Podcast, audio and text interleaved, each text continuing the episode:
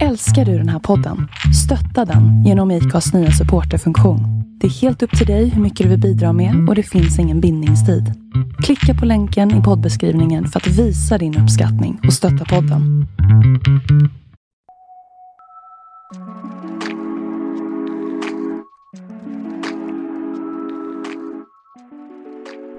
Du lyssnar på andra delen av två av Folkets Domstols avsnitt om hur media rapporterar kring juridik och vilka konsekvenser det kan få om den rapporteringen vinklas allt för hårt i jakten på klick. I avsnittet gästas vi av Sora Yassin från Instagramkontot Juridikmagasinet som har över 22 000 följare på Instagram. Där utbildar hon tillsammans med sin partner sina följare om juridik genom att skriva om aktuella rättsfall eller nyheter från ett lättförståeligt juridiskt perspektiv. Har du inte lyssnat på första delen så rekommenderar jag att du gör det nu. Då kommer du få en större förståelse för de rättsfall och frågor vi tar upp i dagens avsnitt. Avsnittet spelas in på kvällen den 2 december.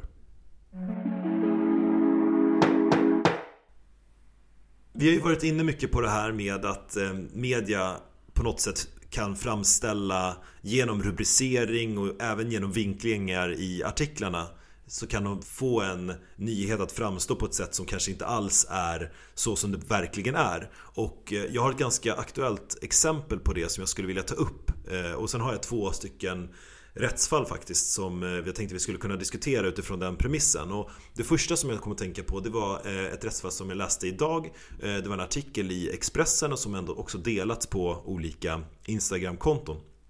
Som gjorde att jag oftast får mig den här känslan när man läser någonting att så här, okej det här är ett rättsfall, det är extremt provocerande, eh, kan det här verkligen stämma? Och i det här fallet så rörde det sig, rörde det sig om en eh, pappa som eh, ska ha våldtagit sin dotter. Och det här ska vara bekräftat, det ska finnas en dom på det. Eh, så att vi får ta det för att det är sant. Och nu är det en vårdnadstvist då kring den här pappan och mamman och vem, vem som ska då ha, få vårdnaden om dottern. Och eh, det som den här artikeln, det som jag kunde läsa mig till, det var dels att det hade varit en dom som hade, framkom, eller som hade kommit fram till att mamman ska inte få ensam vårdnad om den här dottern utan pappan ska få ha till, alltså delad, delad vårdnad av det barn som han då har våldtagit. Vilket ju i magen känns ju som det är helt, totalt provocerande. Men jag skickade den här till dig Viktor så att vad, vad var det du kände när du läste, läste artikeln? Vad var det första du reagerade på? Nej men det första man gör är att Ja precis som du säger så, så tänker väl jag också att Okej okay, det här låter lite speciellt Jag vill ha mer fakta för att kunna göra en bedömning av vad är det som egentligen ligger bakom ett sånt här beslut Det är inte så att jag tänker att okej okay, det här måste vara felaktigt eller det här är en, en skandal eller liknande. Utan jag blir mer nyfiken på, okej okay, vad, vad är det för dom? Alltså på vilket sätt har de kommit fram till att den gemensamma vårdnaden ska bestå? Och jag har ju inte, jag har bara läst den här artikeln precis som du och sen så gjorde jag lite efterforskningar för att försöka ta reda på om det fanns någon dom som jag kunde läsa för att förstå då vad, vad som låg bakom det här. Och eh, jag kunde inte hitta någon dom. Jag har inte, det man kan göra är att det finns ju olika söktjänster då där man kan leta rätt på olika domar. Eller så kan man vända sig direkt till domstolen för att begära ut en viss dom. Jag har inte vänt mig till någon domstol, utan jag har tittat lite i de här söktjänsterna men jag kunde inte hitta någonting. Och då funderar jag lite på vad kan det vara då för typ av beslut? Och det här är ju då med reservationer eftersom jag har inte all fakta. Men det jag skulle kunna tänka mig då är med tanke på den faktan som fanns i artikeln så, så var det så att precis som du sa då, det hade kommit en dom på att, eh, att pappan hade våldtagit dottern och sen så hade mamman då ansökt om ensam vårdnad för inte så länge sedan. Och de här vårdnadsfallen, de brukar inte gå så snabbt. Utan det brukar ju ta ett tag innan man kommer till en huvudförhandling och sen en slutlig dom. Och i det här fallet så hade det gått ganska snabbt, som jag förstod det. Och det enda jag kan tänka mig då är att mamman då har lämnat in ett så kallat interimistiskt yrkande om att få ensam vårdnad. Och interimistiskt yrkande, det innebär ju att man ska fatta, eller att domstolen då ska fatta ett beslut som ska gälla tillfälligt fram till dess att en huvudförhandling har ägt rum och domstolen slutligt kan döma i målet. Mm. Det är det vi pratar om med Tobias Widing, advokat som är expert på just, just sådana här frågor kring vårdnadstvister. Så det har vi ett avsnitt som man kan gå tillbaka och lyssna på i, jag tror det är avsnitt 8. Exakt. Och då, det man ska veta då är när det kommer till ett interimistiskt beslut så behöver ju det inte vara samma beslut som domstolen kommer komma fram till vid själva huvudförhandlingen. Utan tvärtom, det kan ju vara någonting helt annat för det är särskilda regler som gäller för sådana här interimistiska yrkanden. För att domstolen då ska gå in och fatta ett så pass stort beslut som det ändå är att någon ska bli av med vårdnaden så krävs det då att det är vissa förutsättningar som är uppfyllda. Och då är det så att eh, de reglerna finns i föräldrabalken. Och de här interimistiska besluten, de ska bara fattas om det, om det krävs då en, en ändring i vårdnaden som är angelägen. Alltså att det är väldigt viktigt att det sker snabbt. Och det är inte mm. till barnets bästa att man kan vänta till en slutlig dom. Och det jag kan säga då att hade det här handlat om ett eh, boendeyrkande till exempel. För det, man måste ju skilja på, det finns ju olika typer av yrkanden i vårdnadsmål. Det handlar ju om mm. själva vårdnaden. Det handlar ju om eh, boende, det handlar om umgänge. Vårdnaden handlar mm. egentligen inte om var barnet ska bo. Utan det handlar ju om liksom vem som har beslutande rätt över vissa saker över barnet. Mm. Och i det här fallet så det man kunde utläsa ur artikeln var att barnet var placerat på ett eh, LVU-boende, alltså enligt lagen om vård av unga. Mm. Så, så barnet bodde inte hos någon av föräldrarna. Nej. Så det handlade liksom inte om att okej, okay, nu ska vi förflytta barnet här från den här pappan då som har begått ett hemskt brott mot dottern. Det, det hade ingenting med saken att göra utifrån den artikeln som jag läste. Utan det handlar bara om själva vårdnaden, alltså vem som har den här bestämmande rätten över över mm. vissa saker. För det, lät, det lät ju i princip Det första jag tänkte när jag läste artikeln Då var det ju det att eh, Att pappan skulle ha så att säga rätt till delad vårdnad Trots att han då har våldtagit den här dottern Vilket ju låter väldigt magstarkt När man, eh, när man ser det vid första anblick då. Men eh, Ja precis, men jag säger... tror att jag, jag tror att det Problemet är ju att jag tror inte att eh, så många kanske har koll om man inte själv har varit i en vårdnadstvist och inte är jurist mm. och, eller inte jobbar med den här typen av mål så, så vet man inte att det finns de här olika yrkandena, alltså att det är olika saker. Vårdnad, boende, umgänge, det är helt olika saker. Så mm. jag tror att många som läser artikeln tänker då, okej okay, men vårdnad, ja det handlar om boende också. Mm. Att barnet ska bo du... hos, hos pappan, men, men, men barnet bor ju inte hos någon av föräldrarna. Barnet är ju Nej. tvångsplacerat på LVU-hem. Sora, har du läst eh, den här artikeln? Eller har du hört om det här? Eh, jag har faktiskt inte hört om den innan, men eh, jag, så som ni berättar så tycker jag att det är ett typiskt sånt exempel på där man i allmänheten inte riktigt förstår den juridiska terminologin. Och därför så har man gjort en egen tolkning av vad det innebär. Eh, för som Jimmy sa så, nej förlåt, Viktor. Eh, som Viktor sa så var det ett interimistiskt beslut. Och det är inte riktigt lätt att veta vad det innebär om man inte är insatt. Eh, om man inte har varit med i en vårdnadstvist själv eller om man inte är jurist.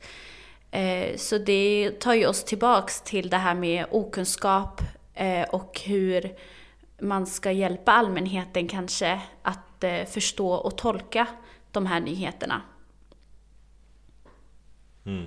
Ja, men eh, det är precis som du säger, ett interimistiskt beslut. Det har man ju svårt att förstå även om man är välutbildad. Det är kanske inte alla som vet vad det betyder och det är ett väldigt krångligt ord bara alltså som i, sin, i sin natur så att säga. Så då ska du dessutom sätta det i ett sammanhang där det finns massa, massa juridiska och processuella regler kopplade till det. Så att det är förståeligt att det inte är lätt att förstå. Är det någonting du vill tillägga kring det här Viktor? För jag har ett annat eh, fall som också eh, är en sån här rubrik som är ganska uppseendeväckande som, som varit aktuellt för några år sedan. Nej, vi kan gå vidare till nästa fall. Mm. Ja men då är det, det brukar kallas eh, Fittjamålet och eh, Det, det, är ett fall som, eh, jag tror att det var runt 2017 som rapporterna kring det här fallet eh, och de, i alla fall någon av domarna fälldes kring det. Så var det en fråga om en kvinna som hade blivit, eh, eller åtalade, det var män som hade åtalats för att ha våldtagit en kvinna i, ett, ett i en trappuppgång eller i, i någon form av hus. Då. Eh, ett bostadshus. Och det ska ha varit en, en eh, synnerligen grov våldtäkt och det ska ha varit inblandning av eh, grovt våld. Den här kvinnan ska ha blivit de, både slagen och de ska ha tagit hennes huvud och slagit det i en trapp, en stentrappa bland annat. Och det ska även ha varit så att eh, män har gått förbi och kommit därifrån. Alltså det är liksom, det, I rapporterna om det här så har det låtit som att män i princip har stått på, på kö för att liksom våldta den här kvinnan. Och eh, andra i bostaden ha, ska ha gått förbi eh, utan att reagera. Alltså som ska slänga sopor till exempel. De har liksom inte vågat säga någonting. Och man får ju bilden av att det här är liksom ett, ett land i förfall där det ska kunna Hände en sån här hemsk sak. Där en kvinna ska ha blivit utsatt på det, på det här sättet av, av liksom eh, män som på något sätt ska kunna begå en sån här gärning och att det faktiskt sker liksom idag i, i Sverige. Det känns ju helt obegripligt såklart och det gör ju extremt ont i magen att, att tänka att det skulle vara på det sättet. Men när jag läste den domen så minns jag att det var en väldigt stor skillnad kring vad som rapporterades och vad som faktiskt stod i själva, i själva domen. Eh, kan inte du ta oss igenom det, Viktor? Jo, men först då vill jag återkoppla lite till det jag pratade om innan, hur media rapporterar. För vi har ju tittat på lite artiklar från den tiden som skrevs innan domen hade fallit. Och en rubrik som jag fastnade vid, den hade skrivits i tidningen Mitt i, som är någon sorts lokaltidning. Och då var det en rubrik då som löd så här Här är langarna som åtalas för våldtäkt. Och eh, mm. när man läser den rubriken så där får man ju verkligen den bilden av att här har man ju redan tagit ställning i själva skuldfrågan. Att här, man försöker utmåla de här personerna då som ja, men, grovt kriminella personer. Vilket Åtminstone de, kanske, de kanske var, hade mm. annan liksom, bakgrund inom kriminalitet och så. Men just att formulera rubriker på det där sättet gör ju verkligen att, precis som det som jag var inne på, att man, man sprider en, en bild av en händelse, eller man försöker få folk att tänka på ett visst sätt, att de här personerna är ju redan grovt kriminella. Så mm. det är ju självklart att de har fortsatt med sin kriminalitet och det är inget konstigt att de begår sådana här vidriga brott. Underförstått så tänker man att eh, langare, de, de är dömda langare, då är, då är de också beredda att eh, begå våldtäkt. Det är så du menar? Ja, varför, varför sätter man annars en, en sån rubrik? Mm. Mm. Det är ju verkligen inte någon form av objektivitet där. Inte för att eh, de har någon skyldighet att vara objektiva på det sättet, men, men ändå, jag tycker det var ett ganska liksom, allvarligt exempel på just det som vi pratade om innan. Mm. Men om vi ska gå in på själva, då? själva domen så Det är en lång dom Där man verkligen Alltså det här är en av de domar som jag har läst på senare år som är kanske mest förklarande som är väldigt pedagogiskt upplagd och som verkligen vill förklara olika saker för att det är självklart att här har ju domstolen också förstått att det här målet det här är ett stort uppmärksammat mål och allmänheten kommer bry sig väldigt mycket. Media kommer bry sig. Och eh, här måste man verkligen gå till botten med det här och liksom förklara hur man har tänkt. Och inledningsvis då så skriver man i den här domen att det råder inte någon tvekan om att det som åklagaren och målsäganden i gärningsbeskrivningen påstår att målsäganden ska ha utsatts för är att bedöma som en grov våldtäkt. Så det det konstaterar man redan inledningsvis. Att om det är så som, som hon påstår så, så är det här en grov våldtäkt. Men sen säger man också att alla påståenden som framförs i domstol ska bevisas. Så att där har man på något sätt satt, man liksom förklarat här att okej okay, men vi, har, vi, vi tvivlar inte på att det här som beskrivs är väldigt allvarligt men det här måste kunna ledas i bevis. Och det är ju självklart, men det är inte alltid som man skriver så i en dom. Jag tror mm. man har haft eh, man har haft det här för ögonen då att, att allmänheten kommer kunna reagera på det här och här måste man vara tydlig med mm. hur man har kommit fram till det här. Så man skriver också då att det har betydelse att målsäganden hade en eh, missbruksbakgrund i föreningen med de substanser som hon hade i eh, kroppen vid provtagning. Det har lyfts fram vilken, i det här målet. Vilken betydelse, vilken betydelse har det då menar man? Alltså att hon skulle varit missbrukare och av de, de specifika ämnena? Alltså det har lyfts fram av försvaret att det, finns, mm. att det kan finnas en sån betydelse. Och då, sen måste man gå in på då, varför har det en betydelse? Mm. För det, det är ju inte så att bara för att man är missbrukare, alltså dom, domstolen skriver det väldigt liksom, klart och tydligt.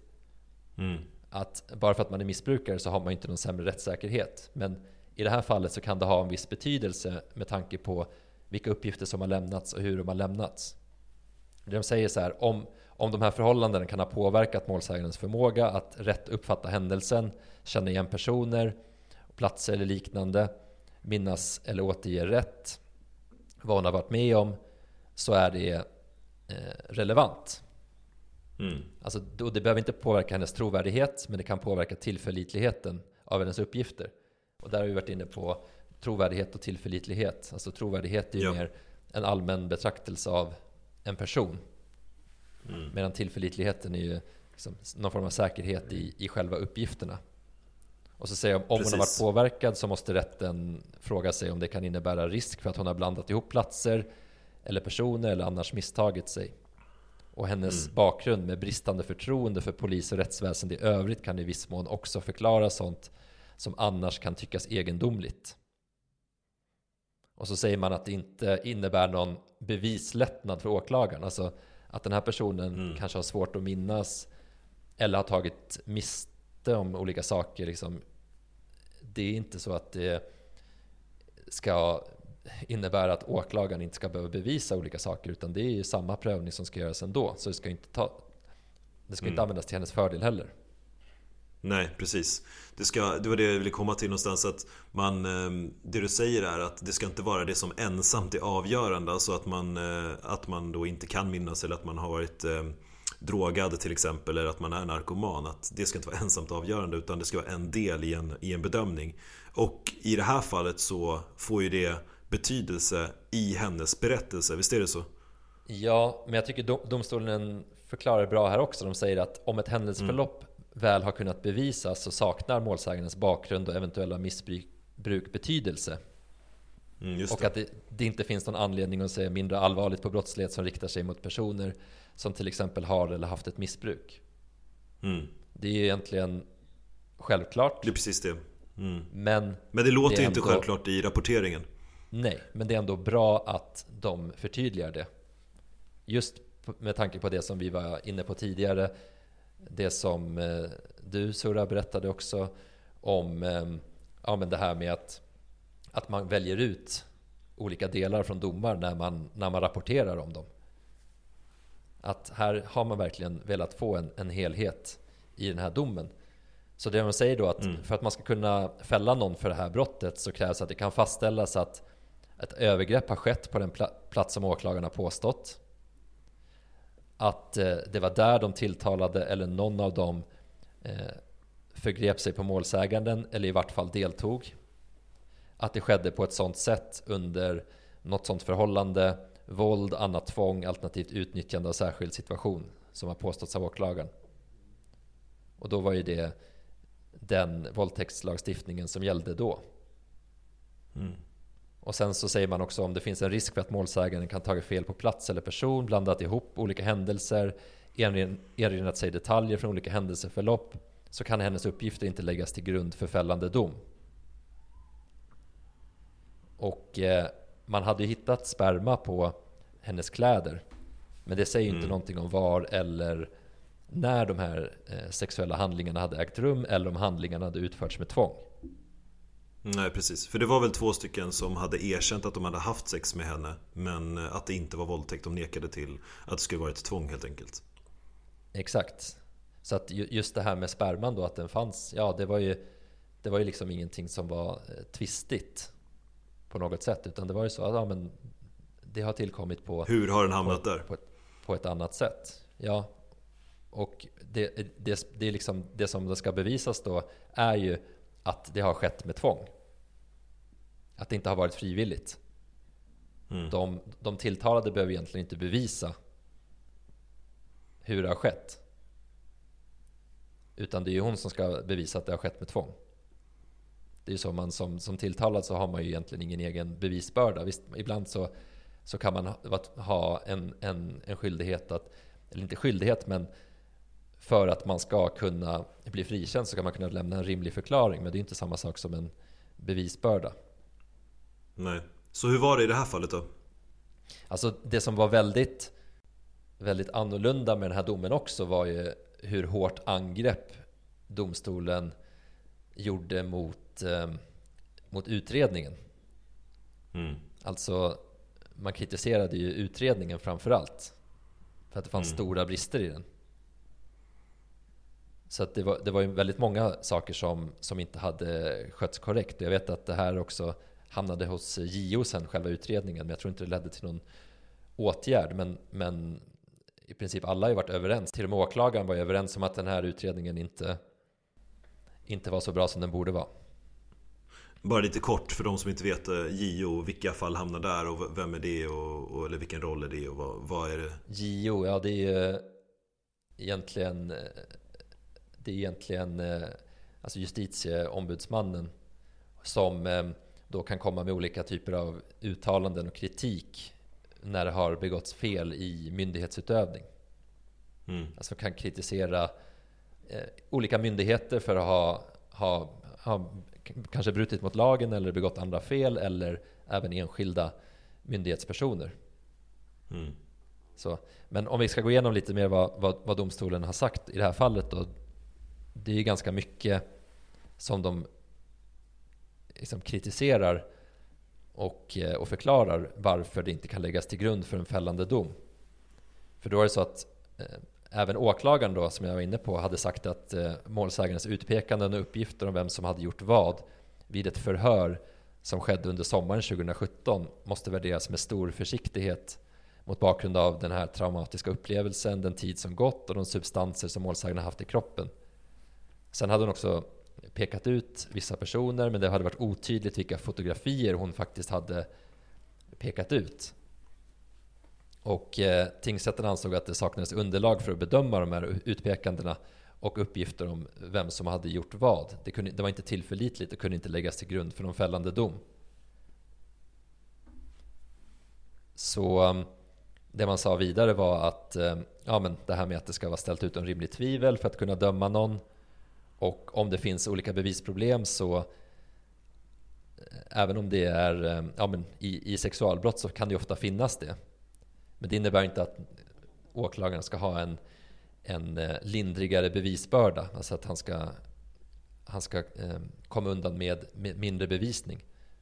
Och åtalade mm. behöver inte bevisa någonting. Så det man vidare sa var att om själva fakta i målet att det var klarlagt att målsägaren efter händelserna hade skador i form av hudmissfärgningar, hudavskrapningar, men uppkomsttiden eller orsaken hade inte kunnat fastställas. Hon hade sperma från flera män på sina kläder och hon hade berättat för poliser som hon hade träffat i nära anslutning till händelsen och för en läkare att hon hade blivit våldtagen och att hon hade ont. Hon hade visat tecken på det. Så mm. utredningen talade för att hon hade blivit utsatt för någonting. Men själva mm. läkarutlåtandena de kunde inte anses ha gett något mer påtagligt stöd åt de här konkreta uppgifterna. Och, eh, men de, de, de varken eh, gav stöd eller kunde motsäga uppgifterna, så de gav egentligen ingenting. Okay. Och, och sen så var det klarlagt att det hade förekommit oralsex mellan målsäganden och tre tilltalade. Men de hade olika uppfattningar om hur det hade gått till. Hur var deras uppfattning då? Alltså, vad var de olika uppfattningarna? Nej men det var ju att eh, de ansåg att det hade varit frivilligt och eh, hon ansåg ju att det inte hade varit frivilligt. Mm.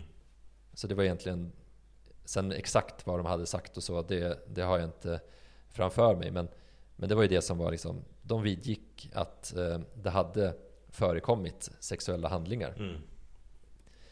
Men om det finns en risk för att målsäganden kan ha tagit fel på plats eller person eller blandat ihop detaljer så kan man inte liksom lägga det till grunden. Mm. Så. Sen var det utrett att hon hade narkotikaklassade substanser. Sen kom man in på det här med eh, bristerna då. Att eh, målsägandens ursprungliga utpekande av brottsplatsen kontrollerades inte förrän misstänkta utredning, utredningen hade lämnat uppgifter om frivilligt sex i ett annat trapphus. Och sen så ändrade Mhm. man det då till, eh, till att det var det som man ansåg var brottsplatsen.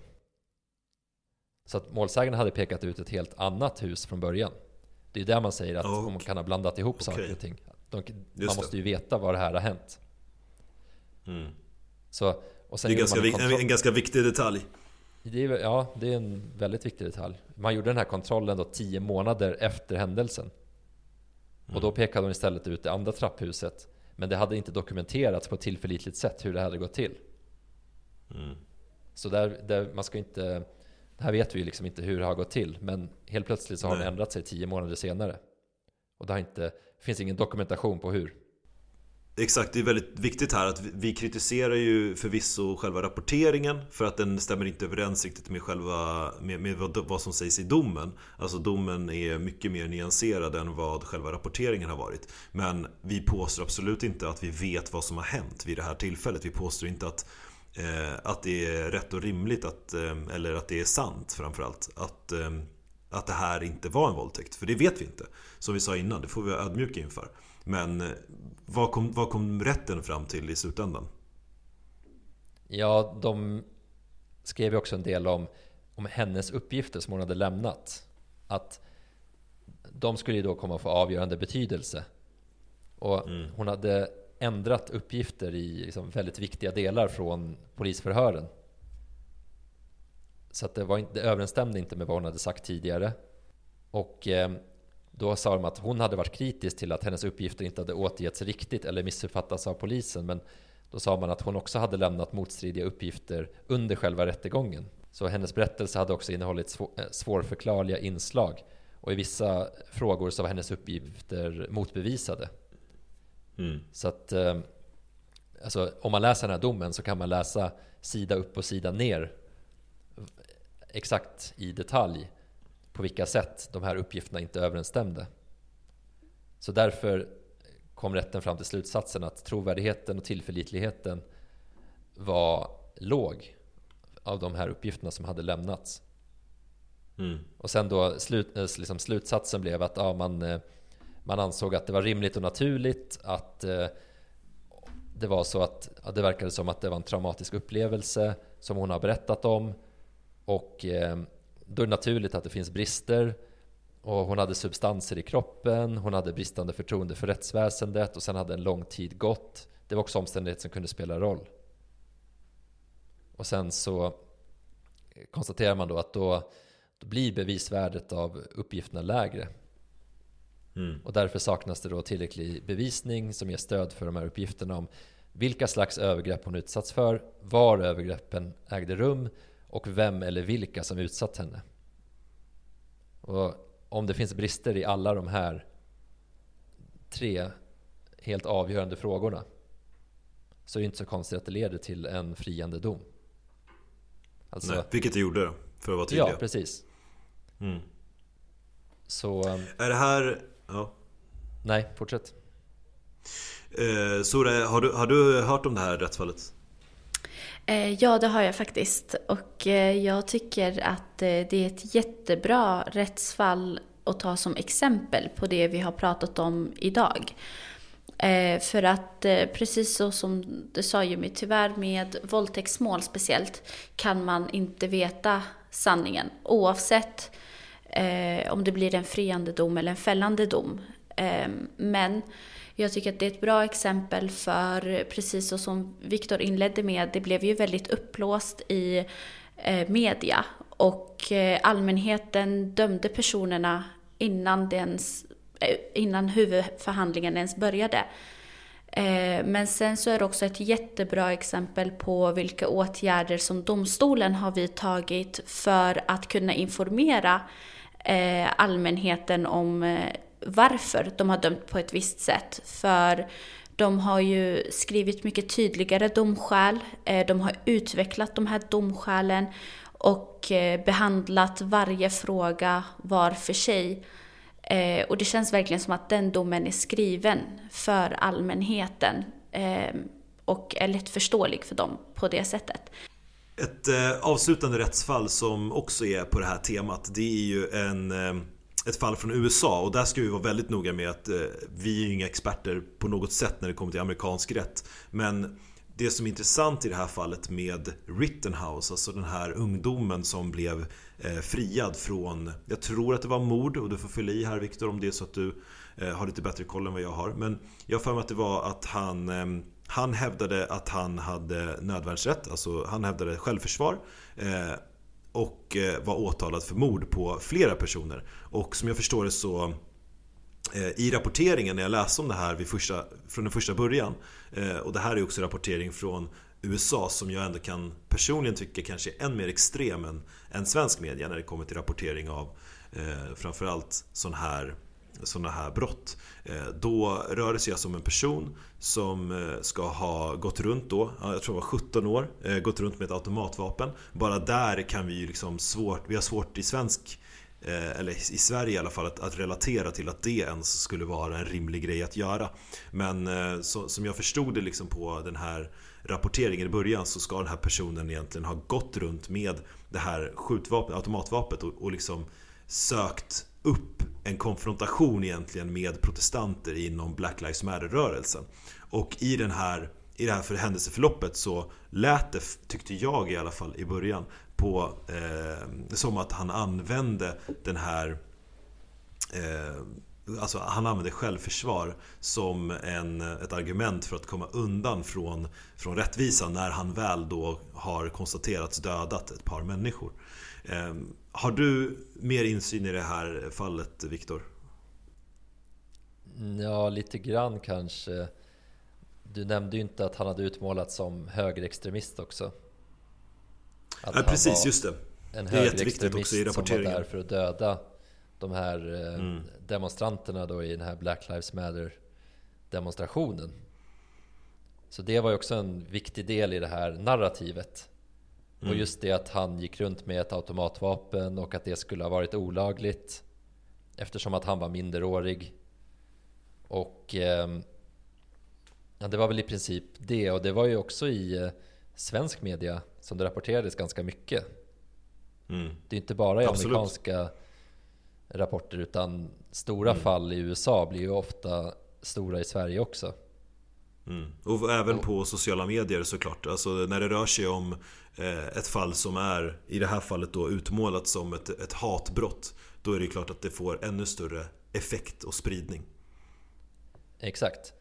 Och eh, det blev ju en ganska stor skillnad då mot eh, när själva domen kom. Alltså hur, mm. hur man såg på det här. Om det hade varit självförsvar eller inte. För att det, självklart så framkommer det saker under domen som inte, eller under rättegången som inte är kända sedan tidigare. Precis som det som mm. vi pratade om innan. Att det är ett styrkeförhållande som är extremt. Och eh, i den här rättegången då så först och främst så kom det fram att eh, han hade rätt att bära det här vapnet. Alltså det var inte olagligt i sig. In, enligt lagen i Wisconsin där det här skedde då? Exakt, och det är delstatslagar som gäller. Så det är olika mm. lagar i olika delstater. Så att det kom ju fram ganska mycket ny information. Och det borde ju mm. i alla fall nyhetsmedia vara medvetna om att det kommer göra. Och därför bör man inte ta så kraftig ställning innan rättegången har ägt rum. Det, det kom ju fram massa filmer. Det har ju varit filmer som har figurerat tidigare också. Men det fanns ju nya Mm. filmer också som framkom i, i den här rättegången. Om man tittar på vissa av de här filmerna som jag faktiskt har gjort så man måste ju också vara försiktig när man tittar på filmer för de kan ju vara klippta på ett visst sätt. De Mm. kan ju vara filmade ur en viss vinkel. Alltså, det måste man ju Mm. också alltid komma ihåg att man får ju bara det perspektivet utifrån den som filmar. Mm. Det kan ju hända massa saker runt omkring som man liksom inte har någon aning om. Men just de här händelserna, det kunde man ändå se på filmen som jag har sett. Och då har jag svårt att se någonting annat än att han faktiskt i det första fallet då att han blev jagad av en annan person. I det andra fallet när han redan hade skjutit en person så var han på väg ifrån eh, liksom, händelsernas centrum. Och Mm. återigen blev jagad av flera personer. Han hamnade på marken och flera personer attackerade honom när han var på marken. Mm. Och i ingen av de här situationerna så ser det ju ut som att han är där för att döda. Det ser ju inte ut som att han går fram till någon och avlossar ett skott. Utan det är ju när han är i någon form av flykt. Mm. Eller i en situation där han blir attackerad av andra. Så de här Och, situationerna har, har fångats på film i sin Exakt. helhet. Exakt. Och Det är då- väldigt ovanligt också. Ja, och då har jag läst eh, någon artikel här där de skriver om vilka lagar som gäller och vad som krävs för att få använda självförsvar.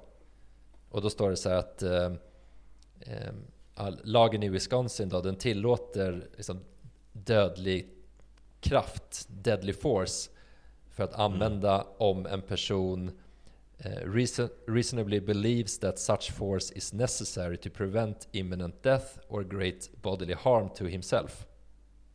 Mm. Då får man Och där skiljer sig Där skiljer vi sig amerikansk rätt eller framförallt den här delstatsrätten eller lagen från svensk rätt. Om vi tänker att vi jämför med det här Instagram-inlägget vi pratade eller vi skrev om med eh, en person i Västerås som eh, hade attackerat tre angripare med en eh, skylt och slagit en av angriparna i huvudet och eh, åkt dit eh, för att ha använt för mycket våld i, sitt, i, i en nödvärnssituation helt enkelt. Ja, precis. Det står ju inte i liksom, svensk lag hur mycket våld man får använda. Det står Nej. ju inte till exempel att man får döda någon i en viss situation. Även om det skulle kunna vara självförsvar att döda någon. Men Mm. där måste man göra den bedömningen utifrån ja, exakt vad som har hänt i just den situationen. Men vad som också är viktigt, som jag läste i en artikel, är att det finns ingen skyldighet att fly innan man använder det här våldet. Mm. Så man har liksom ingen skyldighet att eh, ja, försöka lämna platsen eller så, utan är man utsatt för det här, den här risken, Mm. så, så har man rätt att använda det här våldet. Och i det fallet, utifrån det jag så- såg på filmerna, så försökte han ju faktiskt fly, eller åtminstone komma undan från situationen innan han använde dödligt våld. Ja, om vi tittar på det här fallet som du nämnde, så skrev ju domstolen i det fallet att han hade kunnat eh, utnyttja andra handlingsalternativ istället för att Mm. slå en person i, i huvudet med en skylt. Han hade kunnat lämna platsen. Just det.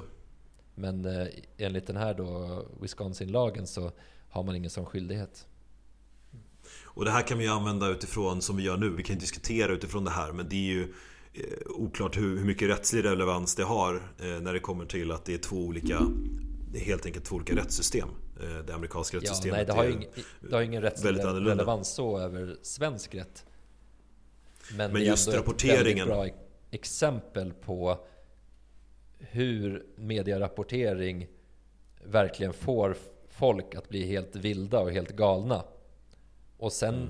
är det väldigt många som inte ens har accepterat den här domen i efterhand.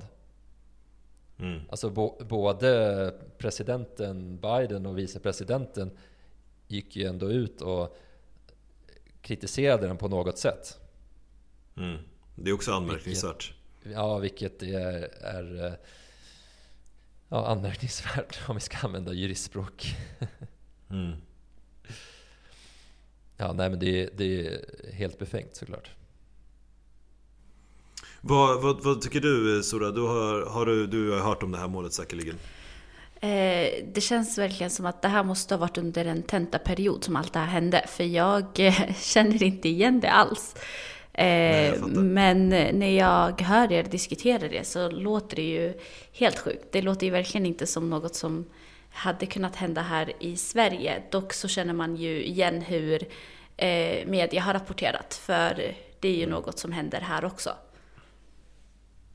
Ja, vi får hoppas att det inte händer här i alla fall. Nej, alltså om man, om man ser de här filmerna så det ser ju helt, eh, helt galet ut. Alltså det ser ut som en krigszon. Det var inte mm. bara den här Rittenhouse som hade vapen. Det var ju många som hade vapen. Både demonstranter och, och motdemonstranter och så. De tände, tände eld på någon så här soptunna för att, eh, eller en stor container som rullade då mot en bensinmack. För att det skulle explodera. Mm. Så ja, man skrattar men det är, det är hemskt. Självklart. Mm, absolut. Men om vi ska bottna ner den här diskussionen då till någonting eh, så, så kommer ju ändå ganska snabbt den här frågan eh, Varför är det på det här sättet? Och det är klart att man förstår att det finns ett ekonomiskt incitament idag framförallt i den här clickbait eh, ja, miljön som vi lever i där, där man får betalt helt enkelt per klick och det spelar ingen roll egentligen när man väl har klickat sig in på en artikel då, då har man ju gjort det och det är det som man säljer annonser på sen. Men Eh, om, man, om man tänker liksom lite ett steg vidare då så vi sitter ju nu alltså och säger att ja, vi kritiserar den här mediebevakningen och själva är vi ju någonstans också ett medie eller ett medium i dagens så att säga, nyhetsrapportering. Eh, och även om vi tycker att vi är oberoende och att vi rapporterar utifrån det som sägs i, i själva rättsfallen då, såklart. Hur, hur, hur ska vi säkerställa att vi på något sätt eh, inte heller rapporterar på ett sätt som liksom för, förleder lyssnarna eller, eller de som tar emot våran eh, information. Har ni tänkt någonting kring det? Kring ert Instagramkonto Sora? Eh, ja, absolut. Det är faktiskt något som vi brukar tänka på väldigt ofta. Om Edmond skriver ett inlägg till exempel så skickar han alltid över så läser jag igenom det eh, och säger liksom hur det ser ut från mitt perspektiv. Och mm. jag gör detsamma när jag skriver ett inlägg. Och det viktiga är ju, oftast så blir det, det är oundvikligt att rubriken blir kanske mer anpassad efter läsarna. Man sätter en sån rubrik mm. som man vet att den kommer fånga så mångas verksamhet som möjligt. Men det är viktigt att skapa sin egna skrivstil när man skriver inlägg. Eh, man mm. vill ändå ha en sån ton som fångar läsarens intresse, men man vill fortfarande vara saklig eh, i den fakta som man redogör. Eh, mm. Så vi brukar faktiskt försöka vi kan kalla det för fyraögonsprincipen. Att vi ah, båda okay. går igenom ett inlägg och sen ibland om det behövs, om vi båda är för insatta i ett ämne, så mm. försöker vi ändå skicka det till någon annan som bara får kolla om det känns som att vi är för partiska i en fråga. Ja. Smart. Det tycker jag låter som ett upplägg som, eh, som är bra. Jag menar, man kan ju inte, eh, man kan ju inte garantera någonstans sin opartiskhet och liksom oberoende ställning men man kan göra så gott man kan för att försöka att eh, liksom hela tiden ha den som ett Att den får genomsyra ens process och, och jag och Viktor gör ju likadant så sent som igår så hade vi, vi upp ett inlägg om Ehm, inget, så, inget så allvarligt som det vi har pratat om idag utan det handlar ju om AIK-fans som eh, hade anordnat en Swish-kampanj för att kunna bjuda eh, Varbergs fotbollsspelare i Allsvenskan på bärs för att de hade vunnit mot Djurgården i, i kampen om SM-guldet. Och eh, då hade då generalsekreteraren i Svensk Elitfotboll gått ut och sagt att eh, det här, eh, han höjde en varningens finger i alla fall. Eh, för att det här är någonting som skulle kunna angränsa till någonting som är brottsligt och då finns det ju då eh, det här med matchfixning och spelfusk som är ett, eh, ett brott enligt lagen då, som man kan faktiskt få fängelse för. Så att när han gjorde det så, så blev det ju angränsning till juridik och när vi ska skriva rubriker då har vi också tillåtit oss själva att vara, inte vilseledande, men spetsiga. För att som du säger kunna väcka intresse. För att någonstans vill vi ju uppmana läsarna att man kan, man kan absolut bli intresserad av en, en rubrik Men rubriken får inte vara vilseledande, den får inte vara falsk. Den får inte vara liksom Den får inte ge sken av någonting som inte är sant Men den kan absolut vara intressant. Och det där är en balansgång där, där jag och Viktor var lite oense igår. Och då får man ju alltid om en, om en person känner att men här måste vi vara mer försiktiga och då rörde det sig om att använda ordet anklaga eh, istället för då när han generalsekreteraren använde ordet höja ett varningens finger. Då tyckte Viktor att det var eh, ett för starkt ord att säga att, eh, att de här AIK-fansen anklagades för att det det kan, det kan anspela på att någon har anklagat dem för att begått ett brott medan Egentligen så är det ju en person som har höjt ett varningens finger för att det här eventuellt kan vara ett brott om det sker i andra former än vad som har skett. Och eh, där får ju då det får vi diskutera och sen så får jag ha en respekt för att jag förstår Viktors eh, ståndpunkt i det här och backa helt enkelt. Eh, jag tror att den ödmjukheten måste finnas i processen för att man ska kunna vara så opartisk man kan. Har, jag återgett eh, situationen som den var Viktor eller vill du, vill du tillägga någonting?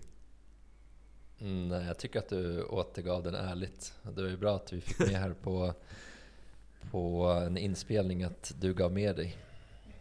Ja. Det, är inte, det hör inte till vanligheterna. okay, du, du, brukar ju, du brukar ju stå på dig och argumentera in i, in i döden även om du vet att du har fel. Eller om alla andra vet att du har fel. Är det inte för att jag oftast har rätt då, som det är så? Och när jag inte har det så eh, ger jag med mig helt enkelt. Och det har vi nu på, på band här också nu. Band, säger man så? Sa jag så? Jag tänkte ja. säga på band, men sen ändrade jag mig till inspelning. Ja. Vi, vi säger så nu, nu blev det på band. Vi, vi är gamla människor. Det är bara, det är bara accepterat. Åldern, åldern trillar på. Man kan inte göra så mycket åt det. Men eh, Sora, vad, vad, tänker ni då kring eh, den här balansgången? Liksom, verkligheten kontra en bra story. Liksom, eh, vad får man göra avkall på? Vad får man, vad får man inte göra avkall på? Tycker? Jag tycker faktiskt att den balansgången är väldigt svår, precis som du sa. Det jag tycker är viktigt, det är att rubriken får jättegärna vara intressant, men det är viktigt att den återspeglar inlägget. Och så länge mm. inlägget som du har och faktan är genomtänkt och så objektivt det bara går, då tror jag inte heller att rubriken kan bli eh, vilseledande eller falsk. För att som sagt, huvudregeln, eller vi brukar alltid ha det som tumregel att rubriken ska återspegla inlägget, så lägg ner på att, tid på att inlägget blir så objektivt som möjligt. Mm. Eh, för att sen kunna ha en intressant rubrik som inte är vilseledande eller falsk. Eh, mm. Så det är, jag tror att det är en väldigt svår balansgång eh, och man får, man gör nog misstag på vägen och lär sig av dem.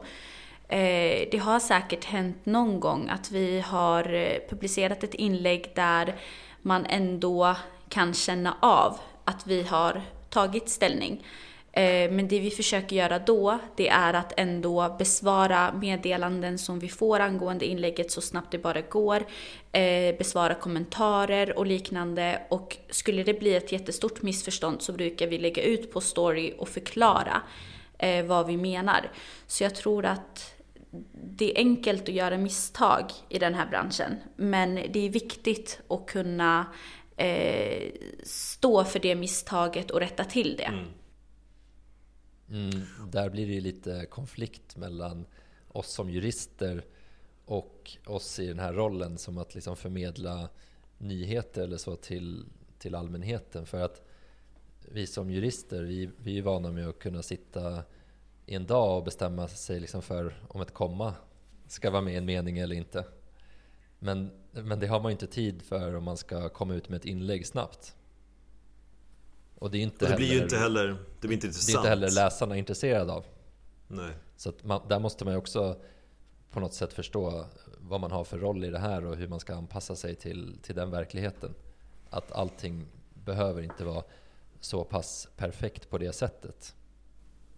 Vad är våran roll då? Sora, vad, vad, känner ni liksom är Juridikmagasinets roll i, i vårt samhälle idag? Jag tycker ändå att eh, våran roll är väl... Eh, jag vet inte om jag kan hitta ett ord för det. Men vi ska verkligen, vi vill tillgängliggöra juridiken på ett så enkelt sätt som möjligt. Eh, så våran roll blir väl ändå, om man kan säga förklarande, mm. att vi blir den förklarande aktören kanske mm. i samhället. För vi blir som en länk mellan allmänheten och juridiken. Eh, mm. som allmänheten ändå kan vända sig till, ställa frågor, läsa, ta reda på egen fakta. Eh, som man kanske inte kan hitta på Google, för du kanske inte kan googla och få fram eh, direkt svar. Men eh, hos både oss på Juridikmagasinet och er så kan man ju hitta konkreta inlägg med eh, konkreta svar på frågor. Mm. Och hur gör vi liksom för att bli för att nå ut och utan att vara sensationella att bygga upp en följarbas som faktiskt vill ha det här. För det blir ju ändå lite mer svårsmält än, än en clickbait-artikel som, som såklart eh, appellerar till magkänslan direkt som man liksom inte kan värja sig från att klicka in på.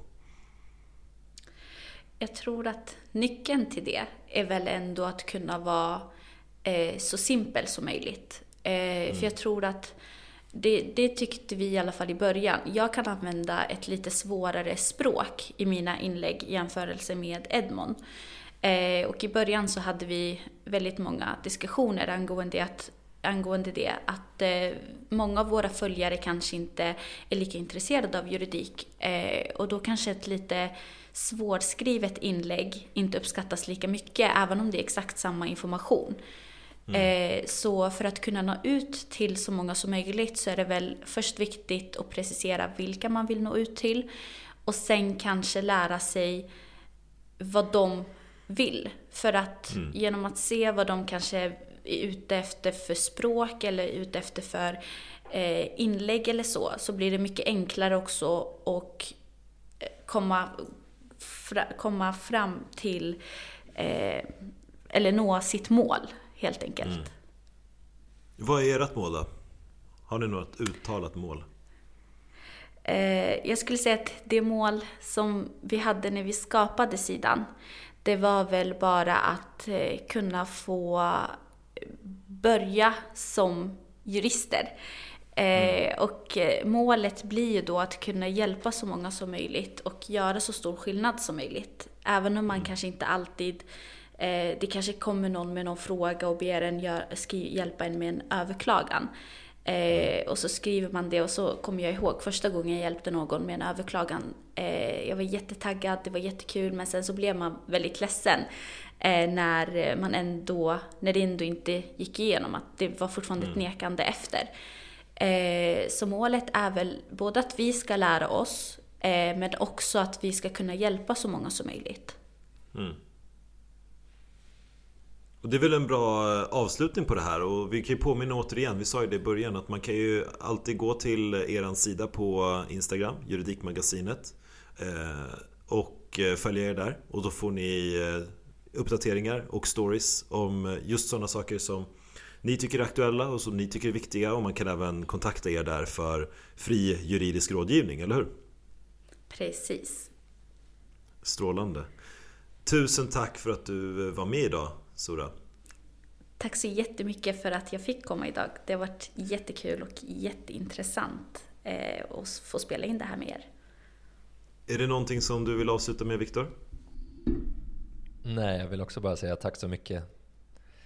Det, jag tycker också det var jätteintressant och ett mycket bra givande samtal.